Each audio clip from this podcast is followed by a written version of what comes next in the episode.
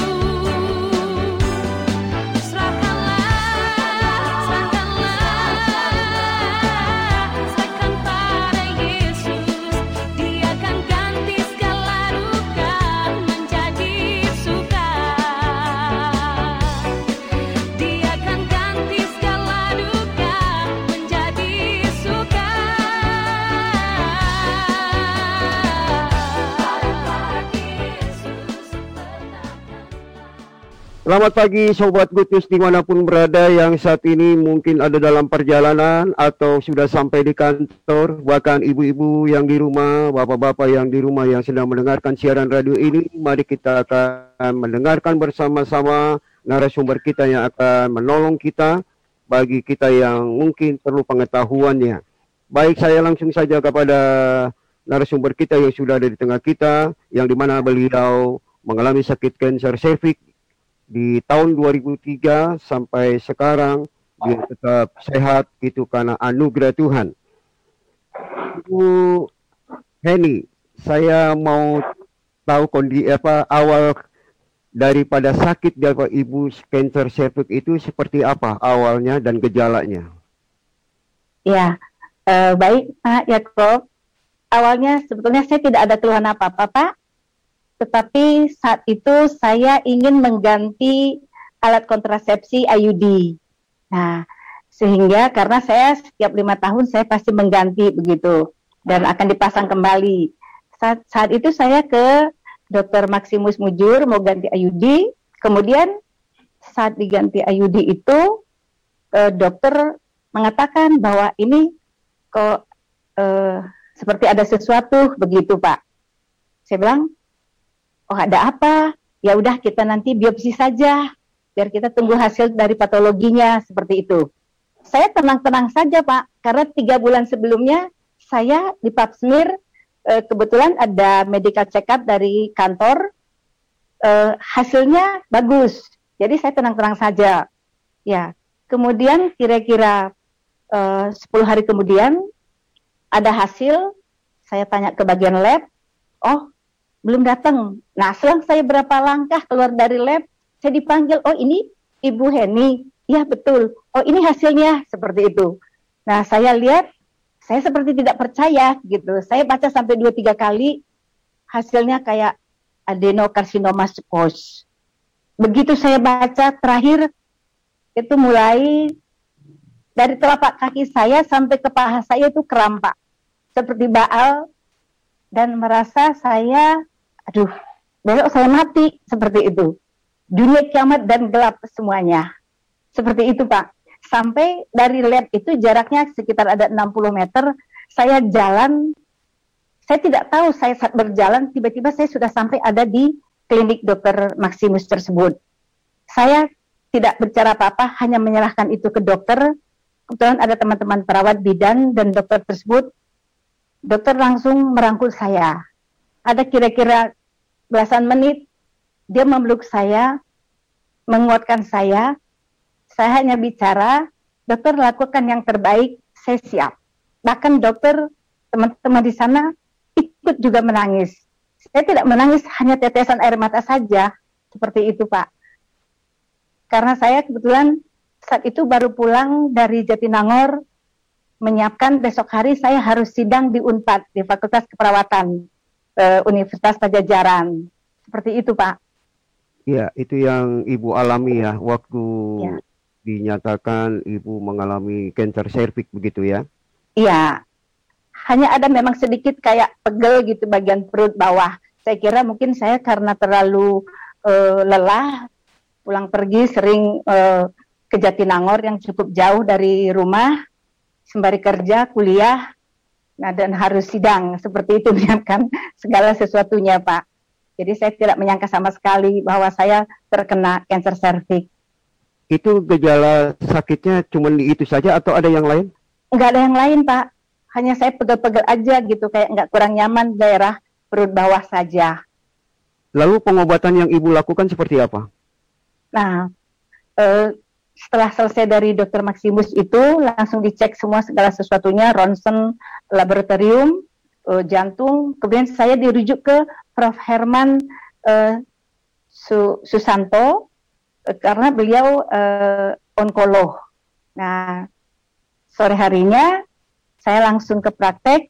Kebetulan karena saya membawa presentasi di uh, kelompok kami di uh, Universitas Pajajaran sekitar dua bulan sebelum saya sidang, saya membawakan tentang si aservik. Kebetulan saya juga yang bicara yang presenter saat itu. Jadi saya juga sudah berpikir ya sudah tindakannya A, B, dan C pasti itu akan dilakukan. Nah, karena saya memang masih pakai kaos, pakai ransel, pakai celana jeans, sekarang ngurus-ngurus ke Jatinangor, saya serahkan itu ke Prof. Herman. Prof. Herman mengatakan, aduh, saya bingung. Ya, uh, Prof, kenapa bingung? Lakukan saja, saya siap operasi asal jangan besok karena besok pagi saya subuh harus berangkat ke Jatinangor untuk sidang. Pulang dari sidang saya akan langsung masuk ke rumah sakit. Nah dia bingung, wah nanti kalau diangkat semua nggak bisa punya anak, bagaimana? Nah pikiran Prof mungkin saat itu saya belum punya keluarga. Bilang, Prof saya udah punya anak tiga, jadi lakukan yang terbaik sesuai dengan ilmu Prof. Seperti itu Pak. Nah, nah setelah itu baru saya pulang dari sidang dari Jatinangor, saya sudah pesan malam harinya saya uh, pesan tempat ke Boromeus. Saya masih sempat menyiapkan saya beli ya buat uh, apa namanya buat penguji dan teman-teman di sana saat buat sidang. Saya masih sempat membeli kue-kue gitu di Holland Bakery. Dan jam 4 pagi saya berangkat sama suami ke Jatinangor karena cukup jauh. Awalnya sidang jam 9 pagi tapi ternyata dipercepat jadi setengah tujuh karena ibu dekan saat itu harus berangkat ke Palembang jadi jam 4 subuh saya sudah berangkat ke Jatinangor selesai sidang dari sana uh, biasanya ada seperempat jam kira-kira berembuk untuk bagaimana hasilnya. Puji Tuhan hasilnya A saat itu Pak. Nah selesai itu saya hanya minta waktu untuk eh, dosen-dosen penguji uh, untuk mengucapkan terima kasih bahwa saya ada di sana berkat uh, Bapak Ibu dosen dan guru-guru saya mulai dari SD sampai saat saya kuliah di sana. Nah, dan saya juga minta doa karena pulang dari sini saya akan langsung masuk ke rumah sakit. Saya hanya menyerahkan hasil patologi itu ke dosen wali saya, kemudian mereka menangis. Saya malah diam saja gitu, karena malam harinya sebelum tidur saya hanya minta kepada Tuhan, Tuhan mohon sejenak saya bisa melupakan apa hasil dari lab tentang diri saya, karena saya besok mau sidang, saya besok mau konsentrasi untuk pendidikan saya. Nah, akhirnya kok tadi nggak bilang sebelum sidang begitu kata Bapak Ibu dosen di sana. Saya bilang saya tidak mau hasil uh, sidang saya, hasil skripsi saya akan berpengaruh terhadap nilai. Saya tidak mau dikasihani, saya ingin berjuang seperti itu. Saya sampaikan seperti itu. Akhirnya mereka dukung, ya tetap semangat semangat dan semua mereka support saya. Uh, setelah itu saya masuk ke rumah sakit sore harinya, kemudian uh, dilakukan pemeriksaan uh, dua hari tiga hari kemudian, lalu dioperasi. Memang saat di praktek Prof Herman ditanya itu mau diradiasi atau dioperasi. Saya bilang, Prof lakukan saja yang terbaik sesuai protokol uh, ilmu Prof. Memang saya juga sempat bertanya kepada teman-teman saya. Kebetulan dulu saya pernah di uh, di Perth, Pak. Saya tanya dokter-dokter di sana, uh, pernah di St. John of God Hospital, kemudian di Murdoch Hospital juga. Uh, saya tanya beberapa dokter di sana, memang protokolnya seluruh dunia itu sama. Ya, jadi ya saya uh, pasrah ikhlas yang terbaik buat kesehatan saya dan buat masa depan saya. Kira-kira lima minggu singkatnya saya dioperasi. Pas hari kedua itu hari kedua saya sangat kesakitan sekali. Kebetulan saya di epidural anestesi jadi dimasukkan obat dari uh, tulang punggung dari persarapannya. Kemudian ada spet kalau saya kesakitan ada obat di sana obat morfin nah dokter anestesi kebetulan karena saya dulu lama di kamar operasi dokter Afifi Ruhili kemudian almarhum Dr. Masudi Rasman, almarhum Prof. Himendra yang dulu juga dekan Universitas Pajajaran berpesan kepada saya, e, Mbak Heni nanti kalau kesakitan dimasukkan aja pelan-pelan ya. Oh siap dokter, saya bilang gitu. Karena saya udah nggak kuat, saya masukkan pelan-pelan. Tapi ternyata udah sampai habis obat itu, saya rasa sakitnya itu tidak hilang-hilang Pak. Bahkan semua badan saya itu eh, bidur-bidur uh, merah semua, ternyata saya alergi morfin. Saya baru tahu kalau saya alergi morfin. Kalau orang lain senang morfin, kalau saya malah alergi. Seperti itu, Pak. Nah, saat saya kesakitan yang luar biasa, saya fokus, saya emosi, banyak fase-fase yang terjadi pada diri saya, Pak. Kenapa saya fase denialnya ada? Kadang saya marah, kadang saya aduh seperti tawar menawar bargaining gitu. Aduh kalau saya sehat saya akan begini-begini gitu banyak seperti itu karena saya terdiam menangis. Tapi saya, aduh, saya punya Tuhan seperti itu. Akhirnya saya bisa menerima sakit saya. Itu kira-kira pas hari kedua sekitar jam setengah empat sore itu biasanya uh, suster-suster di sana uh, membersihkan uh, apa menyiapkan membereskan pasien karena akan ada kunjungan. Di kamar itu saya di jendela, kita sekamar berdua, saya sekamar dengan seorang oma tetapi oma ini operasi usus dan dia uh, dipindahkan ke ICU. Sehingga saya sendiri di kamar itu. Saat selesai cuci muka segala macam dibantu oleh suster karena memang masih banyak selang-selang yang terpasang. dan saya juga belum bebas bergerak. Luar biasa kesakitan saya, Pak. Setelah suster keluar, kira-kira hampir setengah lima, saya berdoa, Tuhan saya sudah tidak kuat. Tuhan, saya minta Tuhan bisa memberikan rasa apa saja. Mohon rasa sakit ini dihilangkan. Karena saya tidak kuat sakit. Saya hanya doa seperti itu, Pak. Sembari saya memejamkan mata saya, beberapa menit kemudian saya kaget karena tempat tidur saya itu seperti diayunkan, seperti kita main ayunan dua kali diayunkan ke depan, ke belakang, ke depan, ke belakang, dan rasanya nikmat yang luar biasa sekali. Saya kaget, aduh siapa sih? Kok usil, aduh tahu orang kesakitan. Nah seperti itu saya ngomong, saya lihat ke kiri ke kanan, tidak ada siapa-siapa pak.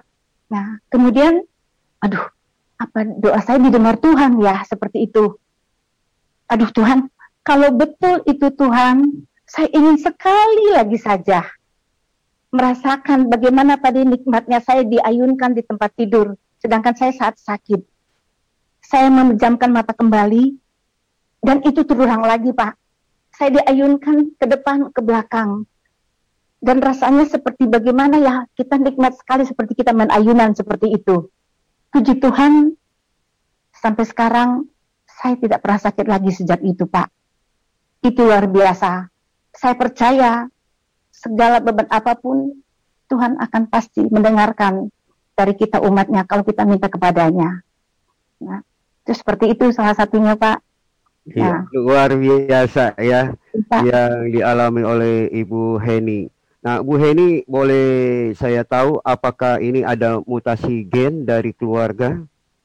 Uh, sebetulnya kalau untuk dulu papa saya dia memang ada uh, kena kanker usus pak, ya. Tapi ya, tapi kan tidak tahu kalau ya gen sih memang bisa 20% untuk itu.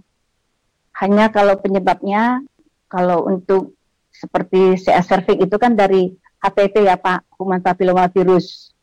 Jadi uh, kuman ini, uh, virus ini tidak hanya ke CA cervix, dia juga bisa seperti CA lid, kanker lidah, kanker tenggorokan, kanker uh, dubur atau anus. Nah, terus seperti yang tumbuh kutil-kutil itu, kadang-kadang ada kutil di kaki, di tangan, di leher, di bahu, itu juga penyebabnya sama Pak, kuman papillomavirus apalagi saya memang sangat sensitif. Saya perhatikan kalau misalnya pergi ke mana, kena hujan, misalnya kaki sampai misalnya uh, kena air comberan seperti itu, misalnya ke pasar ke mana gitu. Itu walaupun pulang saya mandi bersih, kadang-kadang tiga hari, lima hari kemudian kayak ada tumbuh uh, kutil kecil seperti itu Pak. Jadi kebetulan saya sensitif.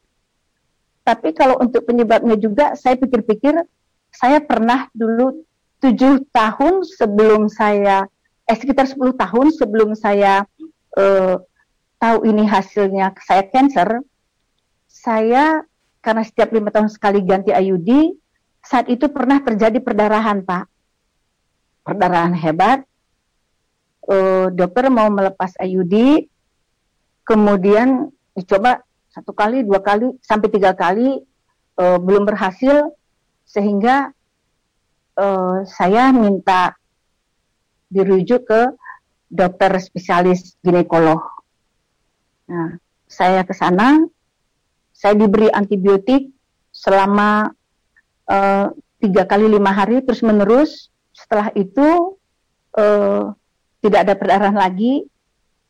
Dulu ditolong oleh dokter Edi Haswidi di Bromeus, kemudian IUD dicabut kemudian dipasang kembali ya saya pikir-pikir banyak jalan karena tanpa luka virus itu tidak akan dia masuk ke uh, serviks saya seperti itu Pak. Mesti dia ada ada faktor luka seperti itu baru ada um, masuk si virus. Ya. ya.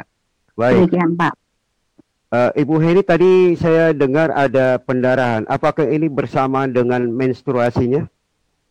Oh, tidak sama sekali Pak tidak sama sekali. Memang kalau untuk menstruasi, kalau kita pakai ID memang biasanya lebih banyak karena ada benda asing di sana, karena e, kontraksi daripada uterus itu. Tetapi ini di luar dari menstruasi, memang sengaja saya ke sana e, dicabut ternyata perdarahannya banyak.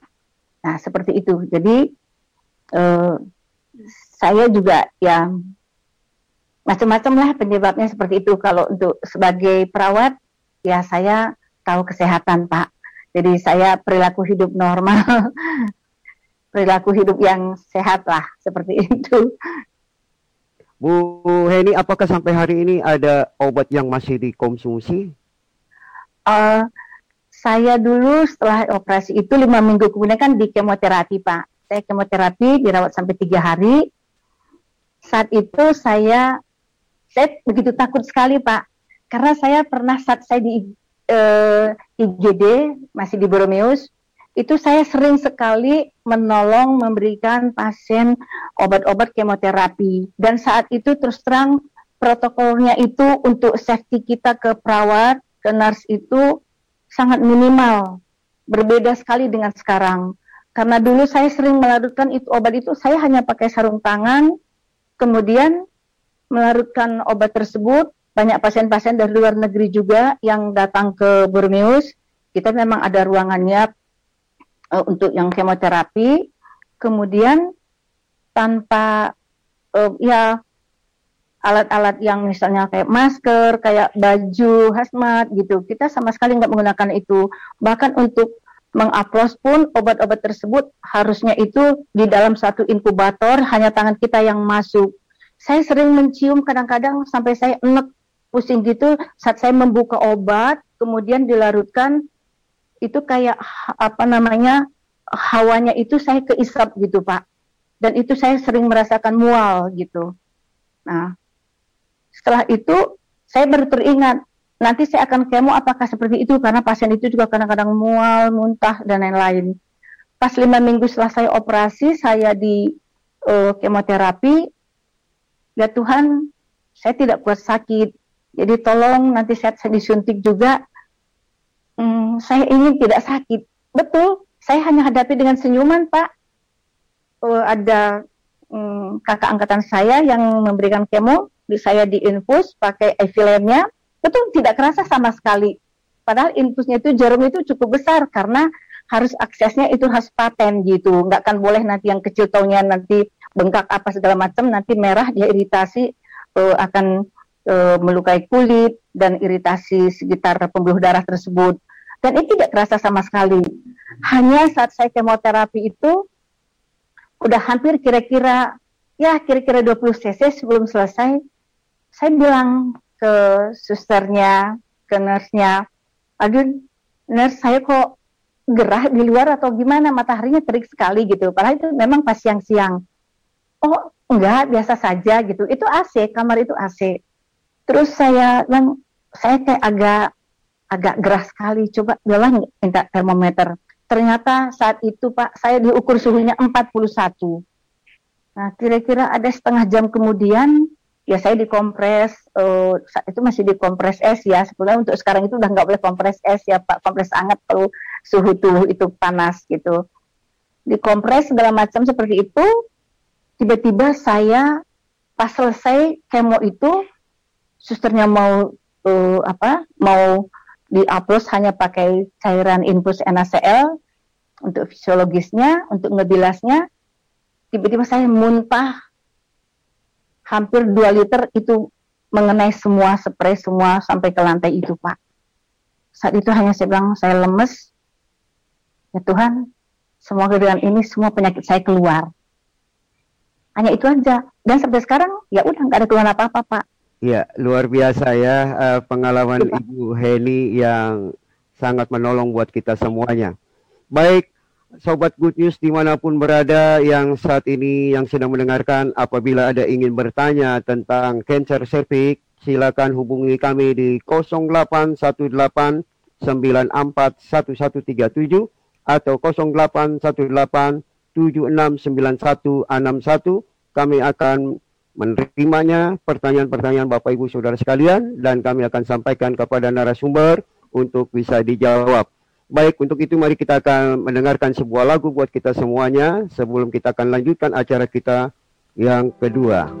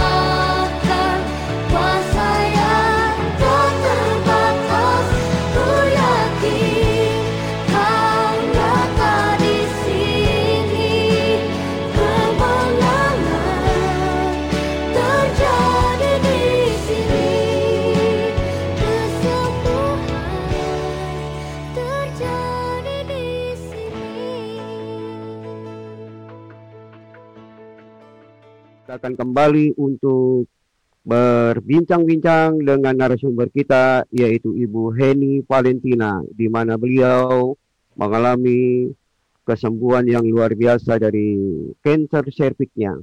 Saya akan langsung saja menyapa beliau. Bu Heni, Ibu punya kanker di tahun 2003, betul ya? Betul Pak, persis di bulan Maret saya operasi. Persis 18 tahun yang lalu, Pak. Oh, jadi bulan Maret 2003 ya. Tunggu, ya, sekarang sudah 18 tahun. Nah, dari 18 ya. tahun ini apakah Ibu masih punya gejala atau sakit yang dialami? Sama sekali tidak ada, Pak. Bahkan karena saya terlalu banyak kegiatan, terkadang saya lupa untuk sakit saya. Karena memang tidak pernah ada keluhan lagi sejak saya merasakan uh, pulang dari rumah sakit dan di kemo itu paling Prof Herman ya memberikan dulu vitamin saja seperti itu. Ya, tetapi saya tetap harus kontrol kalau sekarang setiap 18 bulan sekali, Pak. Nanti bulan April saya akan kontrol kembali ke sana dan saya tidak pernah uh, terlewatkan. Saya sangat disiplin untuk kontrol walaupun tidak ada keluhan. Saya akan selalu menemui beliau. Iya, baik. Uh, ini ada pertanyaan Ibu Heni yang perlu dijawab. Ya, faktor apa yang mem, faktor apa yang mempercepat resiko terkenanya kanker uh, leher rahim?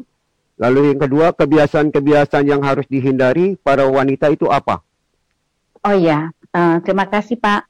Untuk faktor-faktornya itu karena penyebabnya itu adalah virus. Nah, yang pertama, kita hidup perilaku hidup sehat kita tidak berganti-ganti pasangan. Kemudian ada juga yang saat menikah di usia dini. Kemudian uh, buat yang merokok. Selain itu uh, karena uh, gizi yang buruk sehingga antibodi kita uh, menurun dan virus lebih mudah masuk. Karena 80% wanita yang pernah yang sudah berkeluarga atau yang pernah melakukan hubungan seksual sebetulnya itu terpapar virus uh, human papilloma virus. Hanya ada yang dia bagus dari tubuhnya, ada yang pas drop atau lemah sehingga virus itu masuk dan bermutasi ke tubuh kita, Pak. Ya. Kemudian tadi uh, pertanyaan yang selanjutnya uh, kebiasaan-kebiasaan yang ya. harus dihindari. Oke. Okay. Nah, kebiasaan-kebiasaan itu yang pertama kita perilaku hidup sehat. Misalnya, hidup dengan cerdik. C itu singkatan Pak, cerdik itu. Cek kesehatan secara teratur, minimal enam bulan sekali. Baik kalau kita jangan hanya sakit kita ke dokter, tapi saat sehatlah kita lakukan medical check up. Kemudian E-nya, enyahkan asap rokok. Apalagi kita di sekeliling kita misalnya ada yang perokok sehingga kita pro, apa mendapat uh, istilahnya itu perokok. Nah, kemudian ketiga R-nya kita rajin berolahraga. Berolahraga, kemudian D-nya kita uh, makan diet yang seimbang. Makanan-makanan sehat, cukup sayur, buah, protein, dan lain sebagainya. Kemudian I-nya istirahat yang cukup. Kita tidur 7 sampai 8 jam sehari. Sedangkan yang K-nya yaitu kita kelola stres dengan baik. Karena untuk saat ini kita nyebrang aja bisa stres ya Pak Nah, jadi kalau kita banyak pikiran, ya kita bisa ada punya yang beban harus 10, kita ambil 5. Dari 5 kita ambil 3, dari 3 kita ambil 2. Dari 2 itu ya kita prioritaskan yang mana yang paling prioritas buat kita. Nah, itu uh, pola hidup cerdik, kemudian uh, makanan-makanan bergizi tadi udah, kita upayakan untuk menjaga kebersihan, terus menjaga suasana hati juga. Mood kita harus baik dan selalu positive thinking, Pak. Ya, selalu positive thinking. Nah, kemudian untuk teman-teman, ya kita eh, kalau ada juminar, ada seminar segala macam, baik kalau kita selalu uh, ingin tahu ilmu itu karena sedikit bagaimanapun ilmu itu akan nanti menambah kekayaan pengetahuan kita. Walaupun sering saya hampir seminar itu hampir tiap hari Pak, tapi saya tidak pernah bosan-bosannya karena pasti ada sesuatu yang baru saya dapatkan di sana. Seperti itu Pak. Nah, iya. terus di samping itu juga kan kita tahu misalnya kayak virus itu memang dia ada ada yang high risk, ada yang low risk. Misalnya yang high risknya itu yang tipe 16-18. Sedangkan yang low risknya itu dia tipe 6 sama 11. Nah, kalau dia hanya low risk aja kita aman-aman saja gitu. Tapi untuk konsepnya itu sebetulnya kita ada tiga, Pak. Yang pertama itu, nah misalnya yang pertama itu primer. Primer itu bagaimana kita uh, mendapat edukasi kalau kita belum tahu, tapi kalau udah kita tahu, kita mengedukasi ya teman kita, saudara kita, tetangga kita, saat kita misalnya arisan, saat ada pertemuan, seperti itu. Kemudian kita lakukan vaksin, Pak, vaksin HPV. Nah, vaksin ini satu-satunya cancer yang paling kita syukuri ya, Pak. Saya walaupun udah cancer, tapi saya sangat bersyukur. Karena vaksin ini bisa meminimalkan terkena uh, cancer cervix. Nah, itu yang dia primernya. Yang sekundernya itu kita bisa screening. IVA, IVA itu inspeksi visual dengan asam asetat atau asam cuka. Nah, kemudian bisa lakukan pap, pap smear juga untuk atau tes HPV, tes virus itu sendiri. Kemudian kalau seandainya baru dia awal itu ada prekanker. Nah, kita bisa tes itu. Misalnya masih lesi, masih kecil sekali seperti itu. Kemudian tahap yang ketiga itu ada namanya yang tertiernya, Pak. Nah, kalau misal kita memang udah kena cancer, maka akan dilakukan uh, perawatan invati, uh, apa, uh, invasif, ya misalnya dioperasi, bisa di radioterapi, bisa di kemoterapi, kemudian untuk selanjutnya dilakukan yang buat lanjut itu palliative care. Palliative care itu satu-satunya tujuannya adalah untuk meningkat orang sakit, tetapi bagaimana seseorang itu masih bisa meningkatkan kualitas hidupnya. Misalnya dengan melakukan kegiatan-kegiatan uh, hobi yang menyenangkan sehingga tidak ada beban berat buat dia, menjaga suasana hati. Saya punya pengalaman, punya teman, dia sudah masuk palliative care, tetapi dia masih bekerja luar biasa. Nah, itu salah satu di Bandung Cancer Society, Pak. Itu namanya uh, saya panggilnya Om Subur, Pak Subur. Itu luar biasa. Sahabat saya, Pak. Nah, jadi walaupun kita sakit, jangan langsung drop. Masih banyak jalan. Tuhan punya rencana yang indah. Jangan selalu kita hidup itu memang singkat. Tapi dalam singkat itu kita masih bisa berbuat banyak. Karena kita sakit kanker bukan akhir daripada segalanya. Demikian Pak. Oke, terima kasih. Sungguh luar biasa ya. Nah, suster tadi uh, dijelaskan bahwa ada vaksin. Itu biayanya mahal tidak? Uh, kalau dulu itu itu vaksinnya tiga kali ya Pak ya. Ada Gardasil, ada Cervarix itu. Kalau dulu sekitar tujuh ratusan Pak. Saya kalau untuk sekarang belum belum tanya lagi begitu. Ya, itu biasanya pemberiannya itu nol uh, satu bulan enam bulan kemudian terus yang kedua itu nol dua bulan baru enam bulan kemudian nah tapi vaksin ini pak uh, diberikan paling bagus itu pada wanita umur 9 tahun sampai 14 tahun sebelum mereka melakukan hubungan seksual karena itu sangat efektif sekali vaksinnya.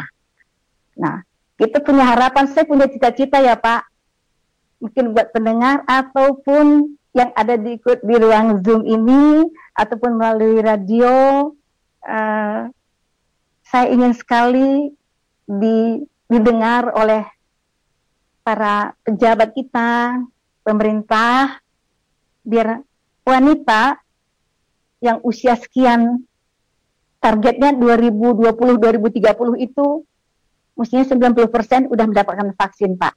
Apalagi dengan hari servik bulan Januari yang lalu itu tujuannya bagaimana wanita Indonesia bebas dari kanker serviks. Nah, salah satunya seperti itu. Kemudian vaksin ini juga bukan hanya buat anak perempuan, Pak, tapi juga laki-laki. Laki-laki yuk kenapa? Laki-laki kan nggak punya rahim kan nggak punya uh, apa serviks nah tujuannya itu untuk mencegah jangan sampai terkena kanker penis. Ya terus usia 35 45 harusnya semua divaksin yang lebih baik lagi sekitar usia 25 tahun Pak karena wanita saat usia 25 tahun, dia daya, daya tahan tubuhnya akan mulai menurun. Iya, walaupun masih tetap produktif. Nah, ini kita punya harapan-harapan bagaimana pemerintah kita juga perhatian peduli untuk wanita-wanita Indonesia.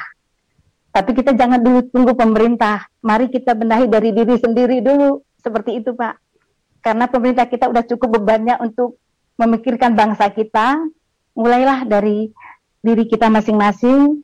Mari teman-teman, ibu-ibu, tidak ada kata terlambat untuk sehat. Ya, tidak ada baik. salahnya. Ya, Pak. Ya, baik. Terima kasih buat penjelasan daripada Ibu Heni. Bu Heni, ini ada satu pertanyaan lagi yang perlu dibantu dijawab. Ya. Apakah ya, wanita yang sudah menopause masih dapat terkena kanker serviks? Oh ya, bisa Pak. Karena salah satu tanda gejalanya itu seseorang setelah menopause masih bisa terjadi perdarahan. Nah, itu kita harus curiga ke arah sana.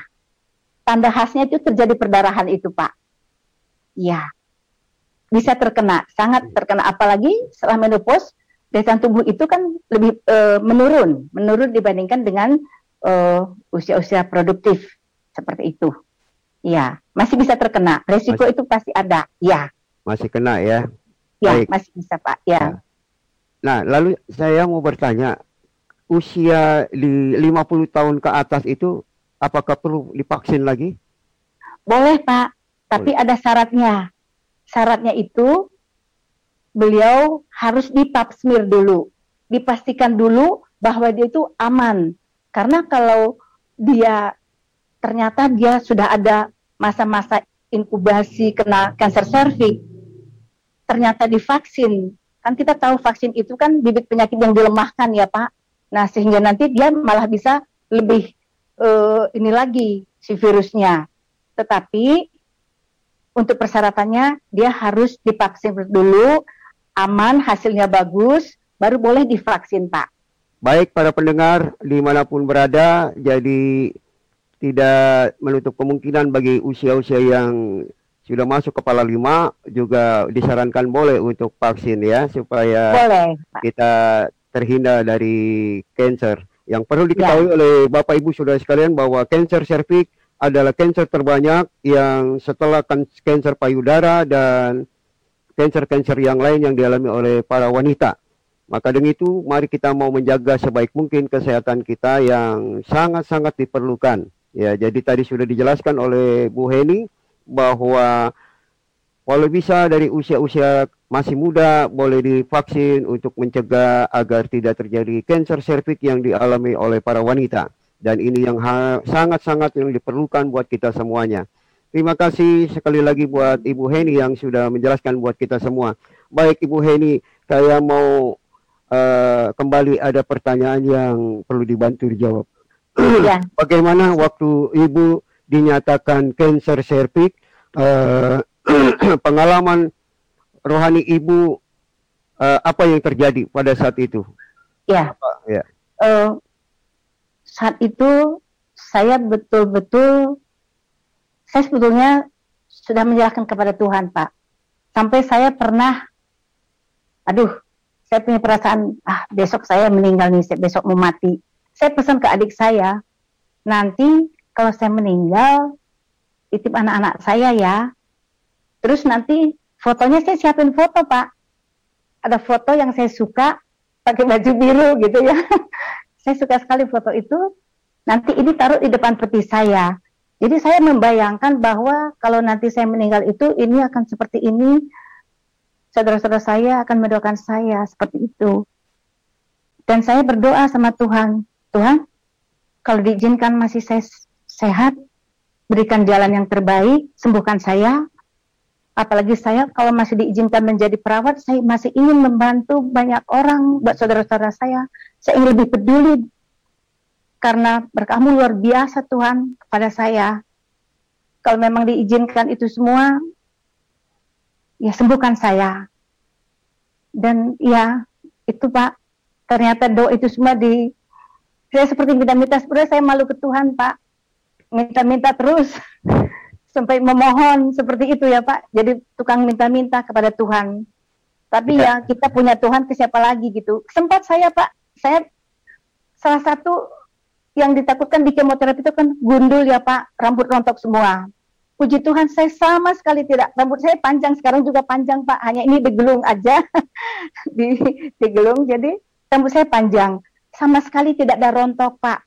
Di mana orang, saya udah menyiapkan, udah saya pesen itu ke Scarlett, saya masih ingat di Jogja Kepatihan, saya pesen dua wig. Kalau saya nanti sehat, ya mungkin saya masih pakai yang pendek saja biar gampang mengurusnya seperti itu. Tapi ternyata saya hanya pesan sampai sekarang saya nggak jadi beli dan saya ke sana bahwa saya sudah sehat rambut saya tidak rontok dan saya tidak jadi beli wignya. Karena rambut saya masih tetap subur dan panjang seperti itu ya.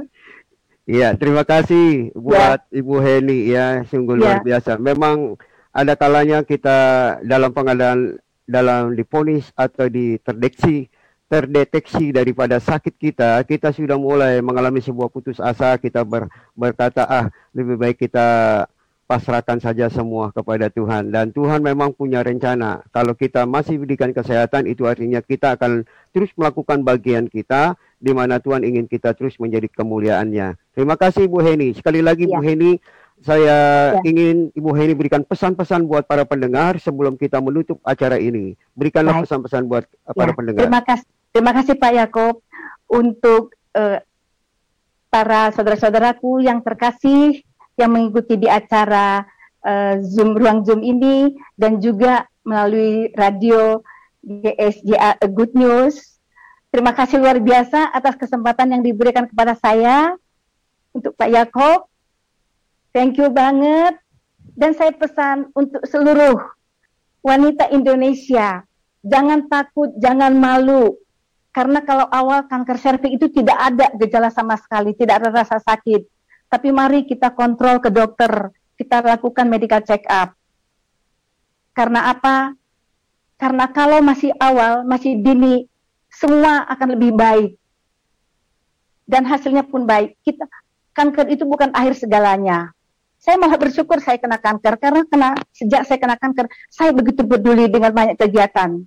Satu lagi Pak, saya sejak saya kena kanker, saya ikut komunitas di Bandung Cancer Society, yang ketuanya adalah Bu Yanti Setiawadi. Di sana begitu banyak, ada member 300 lebih Pak. Kami selalu berbagi suka dan duka, saling menguatkan, saling support. Dan ternyata banyak orang-orang hebat di sana Pak. Nah, di samping itu juga dulu saya pernah di Yayasan Kanker Jawa Barat. Itu juga saling selalu saling ngasih support. Nah, untuk kalau kita udah terkena kanker, untuk secara rohani, saya selalu tebarkan itu Pak ke siapa pun. Baru kenal mau nunggu nunggu berangkat di kereta api atau di stasiun atau di mana atau di bandara. Saya akan selalu memberikan edukasi itu. Biar karena biarlah saya tidak pernah malu dengan sakit saya karena dengan orang tahu orang akan lebih menjaga gitu. Saya ingin wanita Indonesia itu semua sehat Pak. Karena apa? Begitu seorang dilahirkan wanita, si wanita akan dia menstruasi, si wanita akan pendidikan, dia akan menikah, dia akan punya anak. Nah, bagaimana keturunannya kalau dia sendiri sakit? Bagaimana peran ibu di dalam keluarga? Jadi mari kita jaga kesehatan, jangan malu, jangan takut. Saya pribadi siap. Kalau ada yang takut, ada yang malu ke dokter, saya siap membantu, menemani. Kalau enggak bisa dihubungi kami di Bandung Cancer Society, Pak. Kita punya sekretariat di Jalan Samiaji Dalam, Bandung. Boleh kami pengurus siap selalu membantu. Demikian Pak. Ya. Dan lakukanlah hidup pola sehat, hidup cerdik. Ya, terima Mas, kasih. Ya. terima kasih ya, Ibu Heni yang sudah ya. memberitahukan sekali lagi buat teman-teman yang ada di Bandung. Uh, Ibu Heni akan membantu apabila ada keperluan-keperluan yang diperlukan. Dan kami juga di Jakarta ada grup cancer namanya CISC. Ya. sangat membantu buat kita semuanya, ya. bagi teman-teman, ya. bagi sahabat yang mungkin ada family kenalan yang kena cancer, segeralah masuk di grup masing-masing. Kita akan membantu, kita akan menolong karena di situlah grup ini sangat mem memotivasi apa yang terjadi, apa yang perlu dilakukan, apa yang perlu ditindaki dalam pengobatan-pengobatan yang dijalankan. Karena itu janganlah sungkan, Bapak Ibu Saudara ya. semua yang ada di mana pun berada, yang mendengarkan radio ini, kalau ada teman sahabat famili yang mengalami sakit kanker, segeralah masuk ke grup cancer masing-masing karena kita ada grup kanker payudara, grup kanker serviks, grup kanker kepala dan leher, semuanya ada di situ dan kita akan bisa berbagi pengalaman kita masing-masing dan memotivasi buat mereka yang baru masuk. Ada banyak begitu pengalaman yang sangat luar biasa di mana mereka setelah masuk di grup cancer, mereka merasa tertolong, mereka merasa tidak mengalami putus asa karena ada ada teman sahabat yang terus memberikan motivasi untuk menjalankan bahwa sekali lagi ingat teman-teman semuanya, cancer bukanlah mematikan, tapi cancer akan menolong kita untuk kita percaya bahwa ada mujizat yang Tuhan berikan. Itu yang Amin. saya sampaikan buat kita semuanya. Terima kasih sekali lagi semuanya teman-teman uh, yang ada di Zoom maupun yang ada di radio yang mendengarkan hari ini. Terima kasih ya. teman-teman ya. semuanya. Terima kasih semuanya.